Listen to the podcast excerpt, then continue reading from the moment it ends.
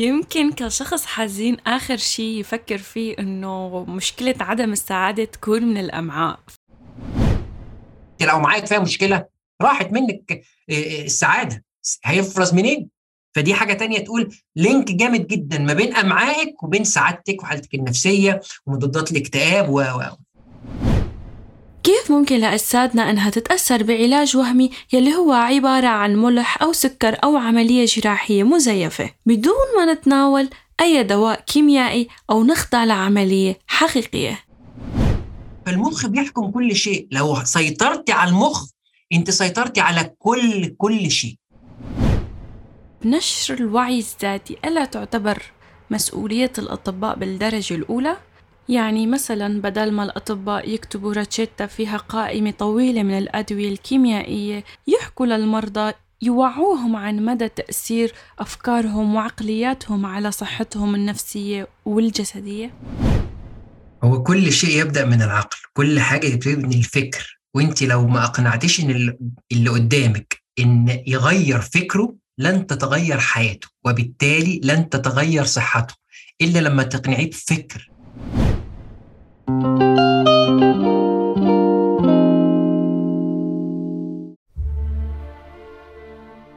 في الحرب العالمية الثانية نفذ المورفين بأحد المراكز الطبية الخاصة لمعالجة الجنود فقام الطبيب الأمريكي هنري بيتشر بوضع المحلول الملحي في المحاليل الوريدية للجنود الجرحى وادعى قدامهم أنه وضع لهم مسكن للآلام مع أنه هو وضع فقط محلول ملحي. لكن المفاجأة كانت إنه بعدها بلحظات بدأوا الجنود بيظهروا علامات التحسن وانخفاض درجة الألم مع إنه كيميائيا مستحيل يعطي المحلول الملحي هذا التأثير. ومن وقتها بلشت الأبحاث تنعمل بكثرة حول تأثير الدواء الوهمي على الإنسان. وأثبتت كثير من الدراسات تأثيرها الفعال مو فقط على الحالة النفسية إنما حتى على الحالة الجسدية لدرجة إنهم بلشوا يعملوا أبحاث حول العمليات الوهمية بحيث أقنعوا المرضى إنهم حيجروا لهم عمليات وهن بالحقيقة عملوا عمليات مزيفة من خلال فتح جرح بسيط بمكان العملية بدون إجراء أي عملية حقيقية. والنتيجة كانت تحسن عن نسبة كبيرة من الخاضعين للتجربة. طيب كيف ممكن لأجسادنا أنها تتأثر بعلاج وهمي يلي هو عبارة عن ملح أو سكر أو عملية جراحية مزيفة بدون ما نتناول أي دواء كيميائي أو نخضع لعملية حقيقية؟ ففكرة إنه جسمك قادر يتفاعل مع دواء وهمي هي أكثر ظاهرة بتفسر مدى قوة اتصال العقل مع الجسد. ومدى تأثيرهم على الحالة الصحية أو المرضية سواء كعلاج وهمي أو كمرض وهمي ربما.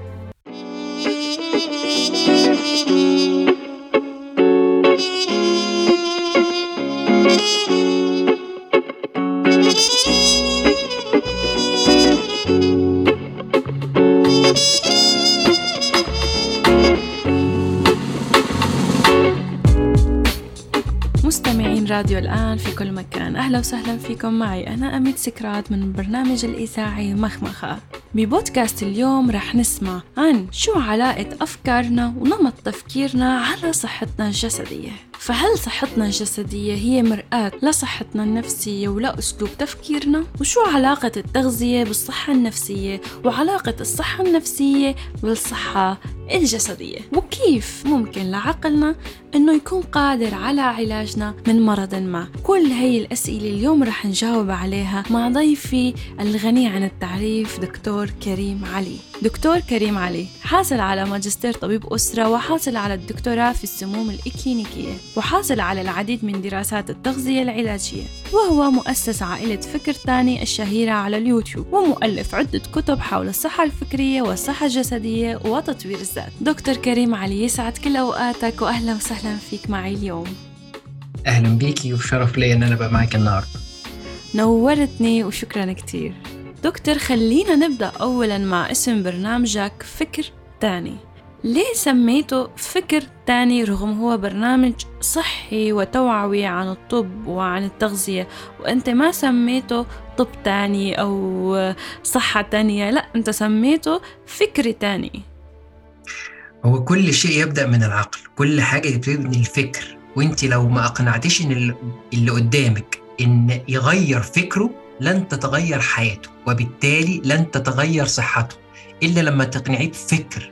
إحنا ما يميزنا إن إحنا آآ آآ لنا عقول لنا أفكار. وهي دي اللي بتخليني بني آدم. يعني الحيوانات لا لم يميزها الله إن هي ليها أفكار أو ليها عقل متقدم قوي فإحنا اللي يميزنا نقطة تحولنا دايما تبقى الفكر وده اللي أنا عملته. أنا بقنع الناس. أنا عمري ما بقول له اعمل كذا وكذا وده الفكر الأولاني.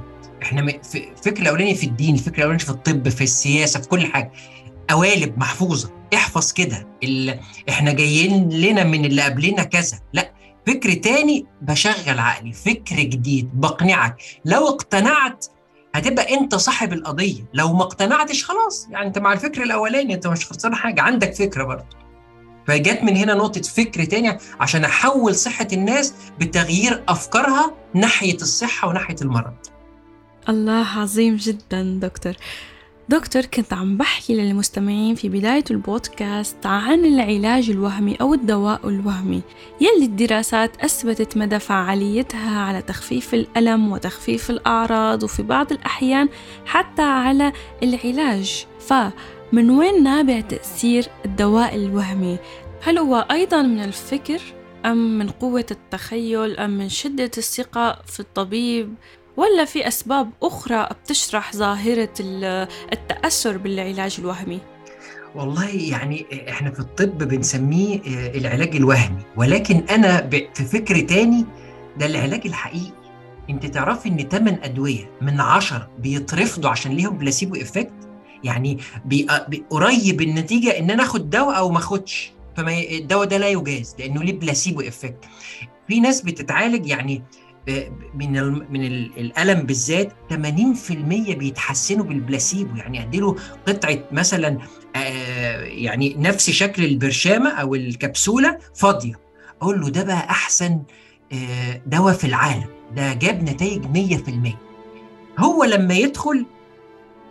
في منطقة في المخ اللي هي ال prefrontal lobe وال thalamus اللي هو المهاد ده مسؤول عن الألم.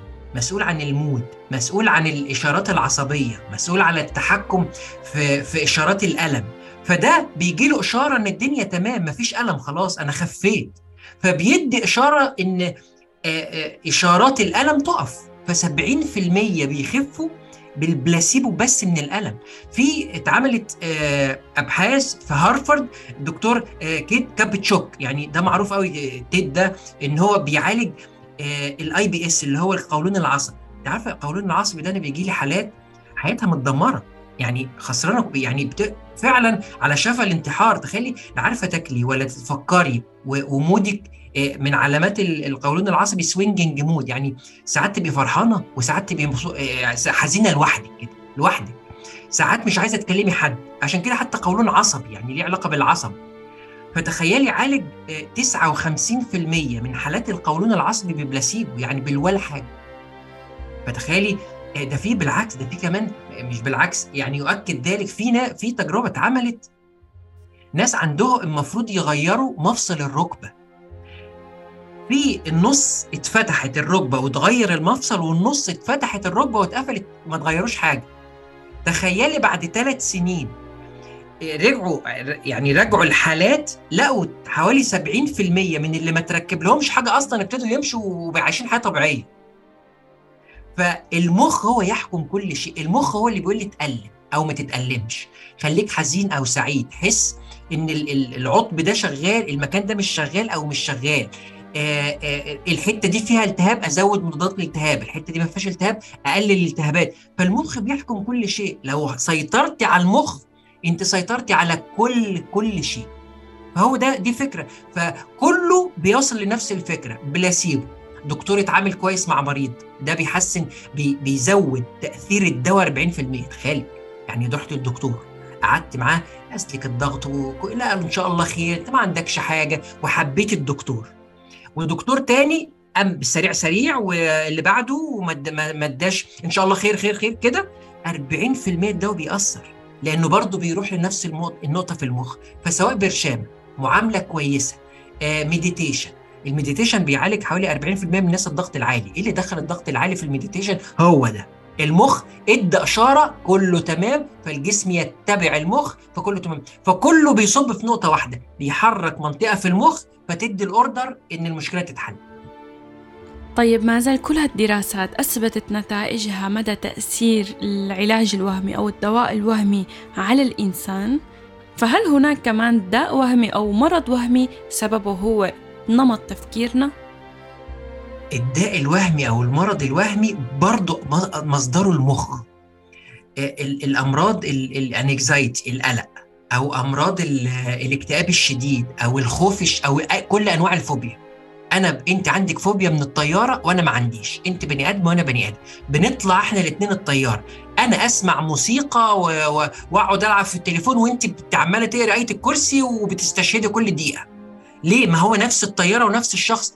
هو وهم المخ. وهم المخ مصور لك خوف من شيء غير موجود. فهو فعلا هو وهم. كل كل أنواع الخوف كل أنواع الفوبيا آآ آآ وهم. اللي خاف من التعبان واللي خاف من الموت واللي خاف من المرض كله وهم انت خايفه من شيء لا تستطيع السيطرة عليه فهو برضه وهم الخوف وهم الانكزايتي الناس اللي قلقانة من بكرة والظروف الاقتصادية.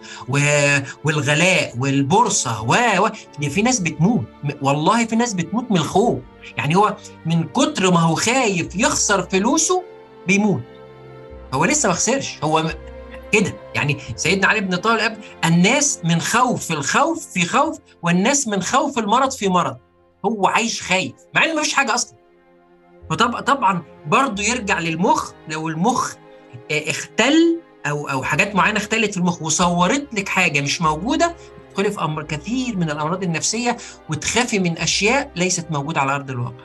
إذا بنستنتج من خلال الأبحاث والدراسات يلي صارت إنه العقل والدماغ والأفكار هي بتلعب دور كتير كبير على الصحة الجسدية.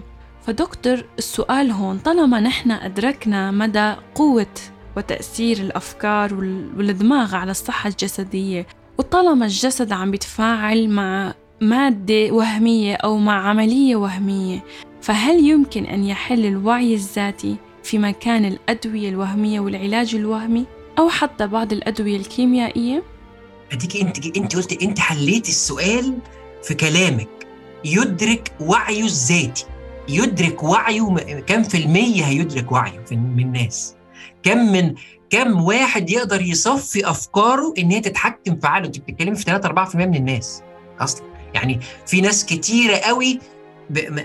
يعني قافلة الجانب الروحي والجانب العقلي والجانب النفسي عايشين ماديات.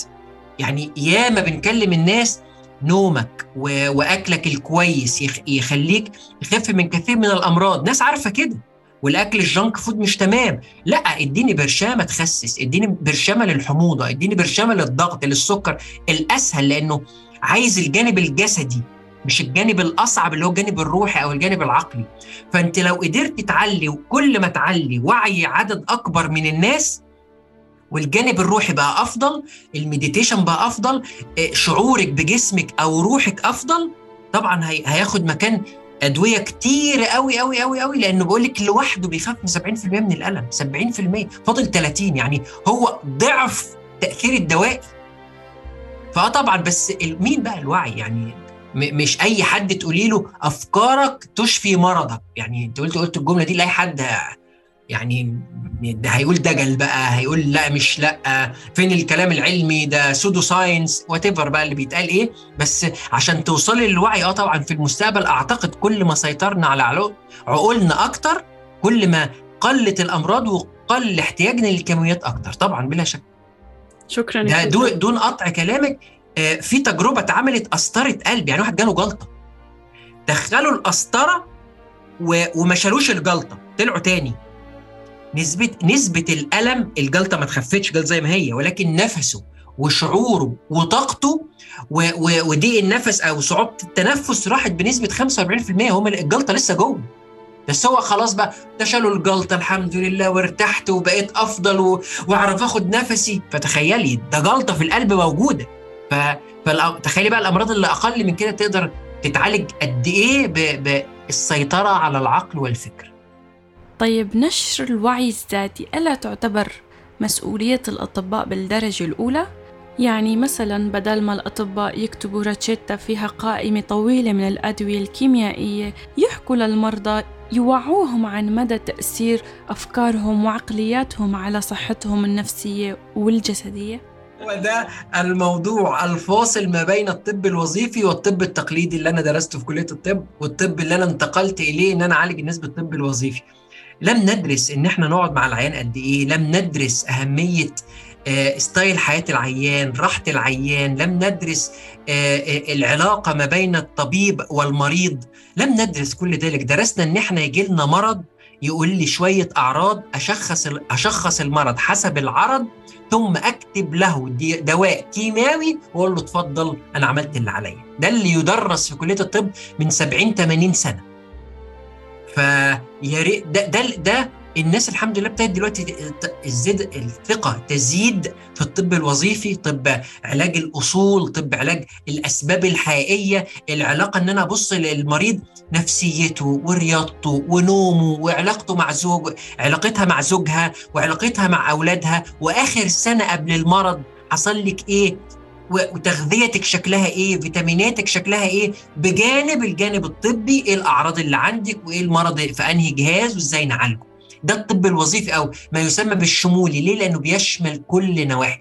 من ساعة ما فصلنا العيان آه، أمراض بطن أمراض صدر أمراض شعر بقى كل واحد في حاله آه، ما بقاش في حد يخف بقينا نعيش مع الأدوية. نعم للأسف. يعني قديما كان هذا وضع الجامعات بس حاليا أعتقد حتى الجامعات الأوروبية وأعتقد جامعات كثيرة في البلاد العربية صارت فيها المواد آه، النفسية مواد أساسية ومنهم التعامل مع المرضى آه، دراسة سلوكيات المريض. بغض النظر عن الاختصاص الطبي صار حديثا يعني منتشر في الجامعات الطبية لكن بتحس إنه الناس ما زالت متعلقة بالأسلوب القديم. مثلا إذا شخص كبير بالعمر بتلاحظ زي يروح على الدكتور الدكتور يقول له أنت ما فيك شيء اشرب مي كتير ونام مرتاح آه ما تفكر كتير سلبي و... وإن شاء الله بتطيب. فبيبطل يتأثر بكلامه بيقول هذا الدكتور مو شاطر ومشان هيك ما وصف لي الدواء. فنحن على أمل هذا الشيء يتعدل مع السنوات القادمة ويصير الوعي الذاتي منتشر بشكل أكبر بكتير بين الناس. دكتور خلينا هلأ نسلط الضوء على الموضوع يلي أخذ حيز كبير من محتواك وهو جزء أساسي من فكر تاني وهو التغذية. فدكتور أنت دائما بأغلب فيديوهاتك بتركز على التغذية وضرورة التغذية. طبعا التغذية إلها دور كتير كبير على الصحة الجسدية ولكن السؤال هل إلها كمان دور كتير كبير على الصحة النفسية؟ مش في ده هو ده هم توأم ده هم يعني ولاد عم من صغرهم. لا ينفصلوا لا تنفصل التغذية والحالة النفسية.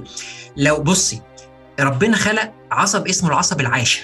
العصب العاشر ده بيدي الأوردر من المخ لمعظم أجهزة الجسم يدي القلب ويدي الأعصاب ويدي المعدة والقولون الإشارات التي تحكم من المخ للجسم 20% أوكي؟ أمال ال 80% فين؟ بتاعت شغله. 80% بس ياخد معلومات من الجهاز الهضمي الدنيا فيها إيه ويطلع للمخ.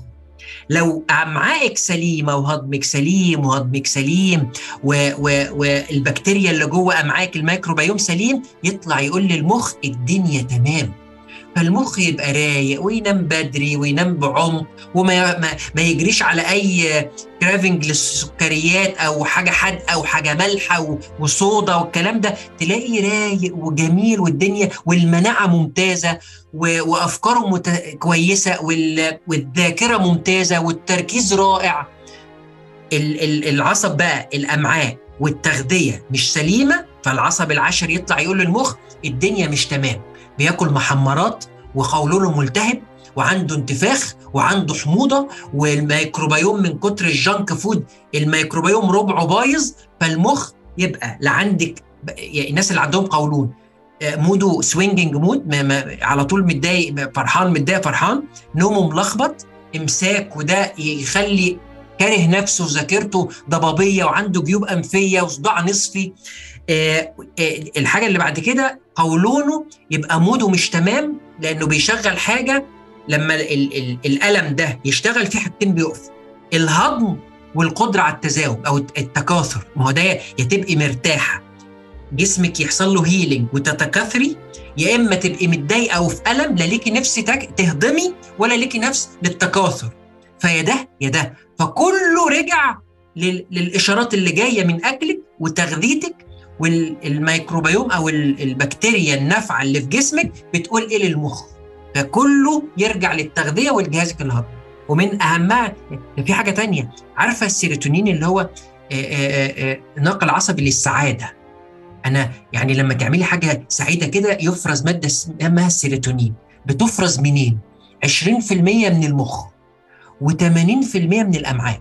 تخيلي. هرمونات سعادتك بتطلع من الأمعاء. فأنت لو معاك فيها مشكلة راحت منك السعادة. هيفرز منين؟ فدي حاجة تانية تقول لينك جامد جدا ما بين أمعائك وبين سعادتك وحالتك النفسية ومضادات الاكتئاب و يمكن كشخص حزين آخر شيء يفكر فيه إنه مشكلة عدم السعادة تكون من الأمعاء. فغالبا يعني منفكر بالظروف منفكر بالآخرين.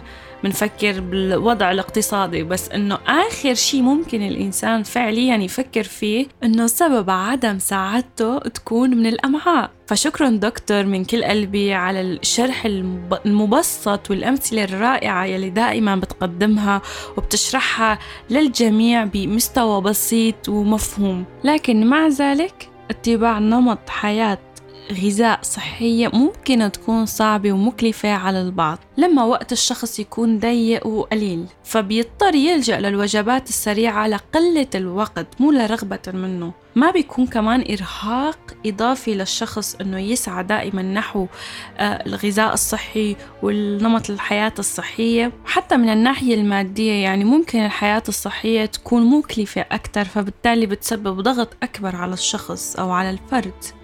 والله يعني أنا في رأيي أنا في رأيي اللي عايز يخدع نفسه بينجح واللي عايز يوصل لحاجة بيوصل. ما تقوليليش إن الحياة الغذائية أو الحياة الصحية آه، أغلى. لا والله صدقيني المرض اللي أغلى. أنا لن يكلفك شيء إنك تنامي بدري.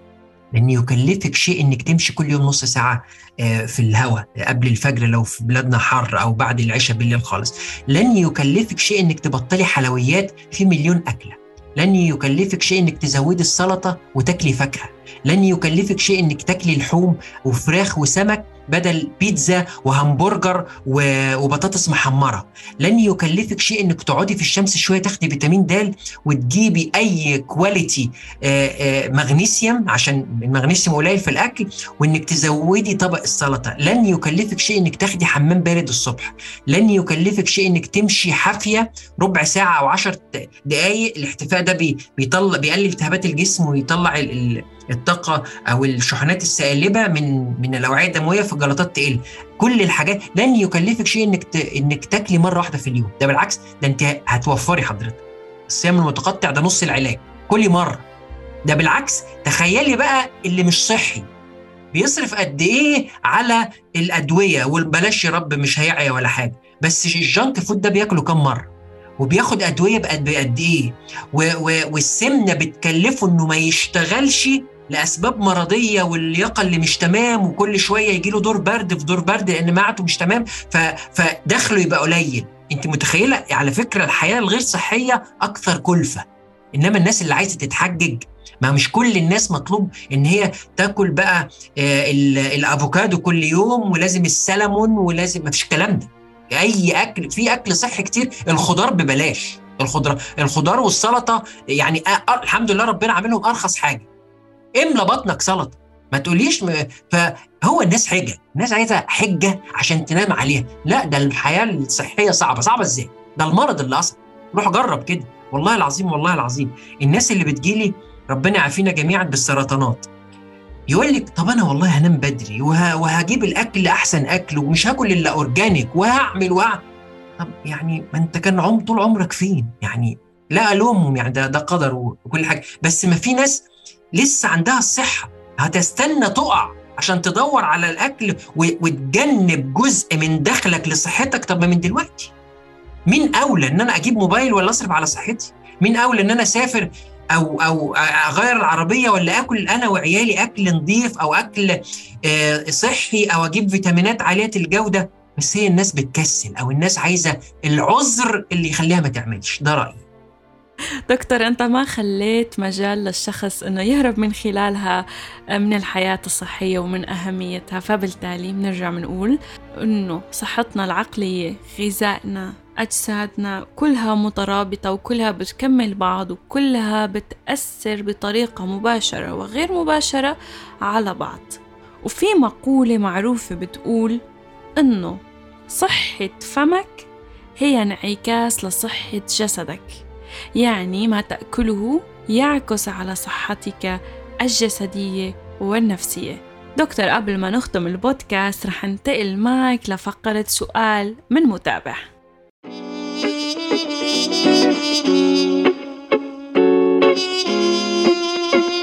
من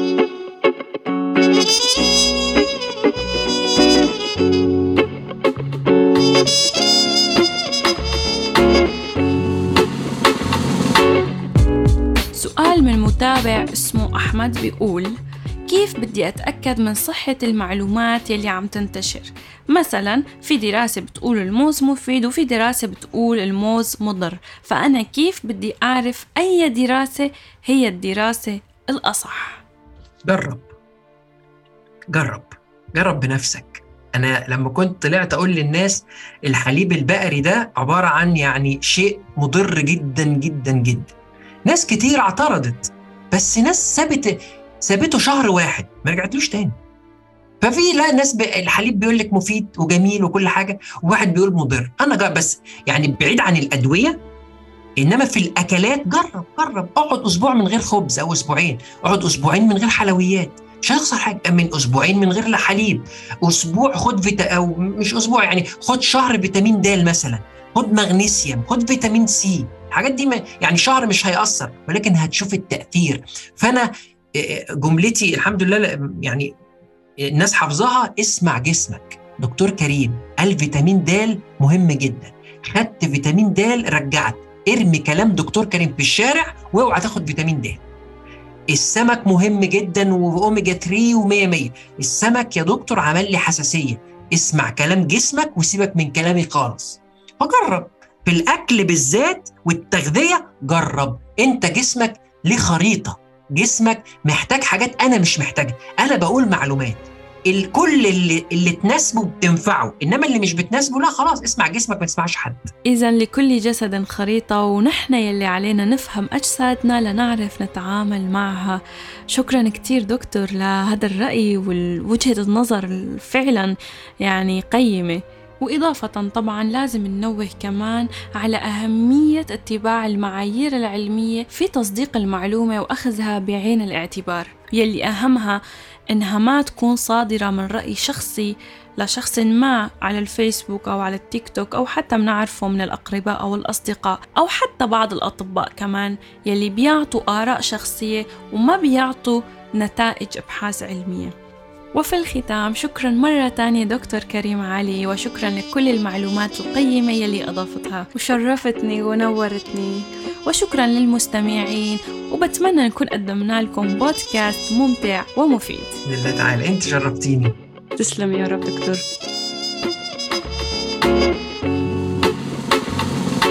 كتير مشاكل كانت انحلت لو قدرنا نفهم بشكل صح ليش صارت؟ علاقة بتنتهي شغف بينطفي أو أحلام وحب ممكن تنتهي بس لأنه صار سوء تفاهم.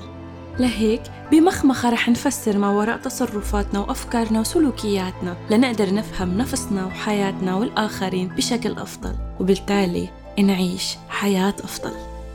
تابعوني أنا أميتي سكرات في برنامج مخمخة على راديو الآن كل يوم أربعاء على الساعة خمسة بتوقيت الإمارات.